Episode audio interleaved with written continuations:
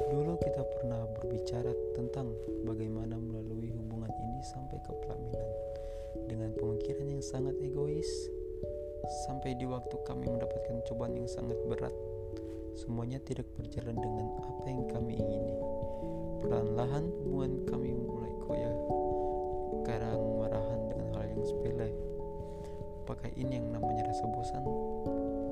Mau meninggalkan tapi masih ada rasa sayang.